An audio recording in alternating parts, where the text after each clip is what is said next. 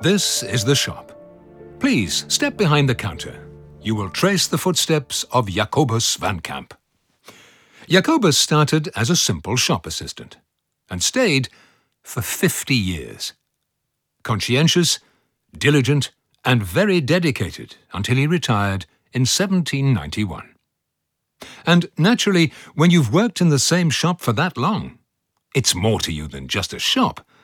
It's your shop, with your books. And that created problems at times.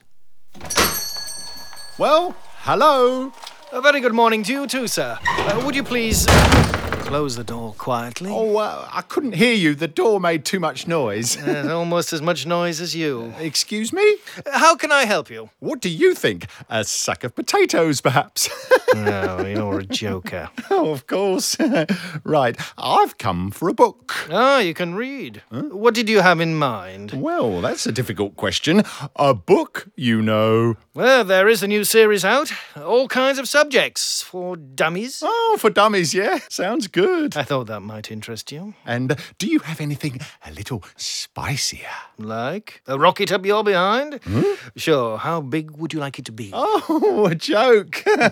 Uh, not really. I was thinking of a book from that Forbidden series. Uh, we don't have those.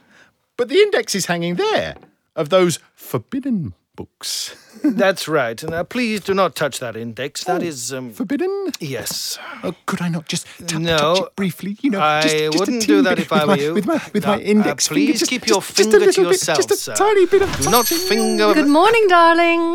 Hello there, sweetheart. Uh, uh, uh, Good, good morning, Mrs. Commissioner of the Index of the Forbidden Books. Hmm. Uh, may I introduce you to um, uh, what was your name again, Mister What? Uh, Oh, uh, Smith, Sir Jones, uh, Jo- Smith. Yes, Mr. Smith, that's it. well, it, it doesn't matter. I, I have to leave now. oh, what a shame! I was just about to break your fingers. Enjoy the rest of your day. Why did you call me the commissioner of the index of? Oh, it doesn't matter. Uh, It was a All joke. right. Uh, I-, I was just dropping off your lunch sandwiches. Oh, I forgot them again, didn't I? Forget about it. See you tonight, darling. Yes, my dear.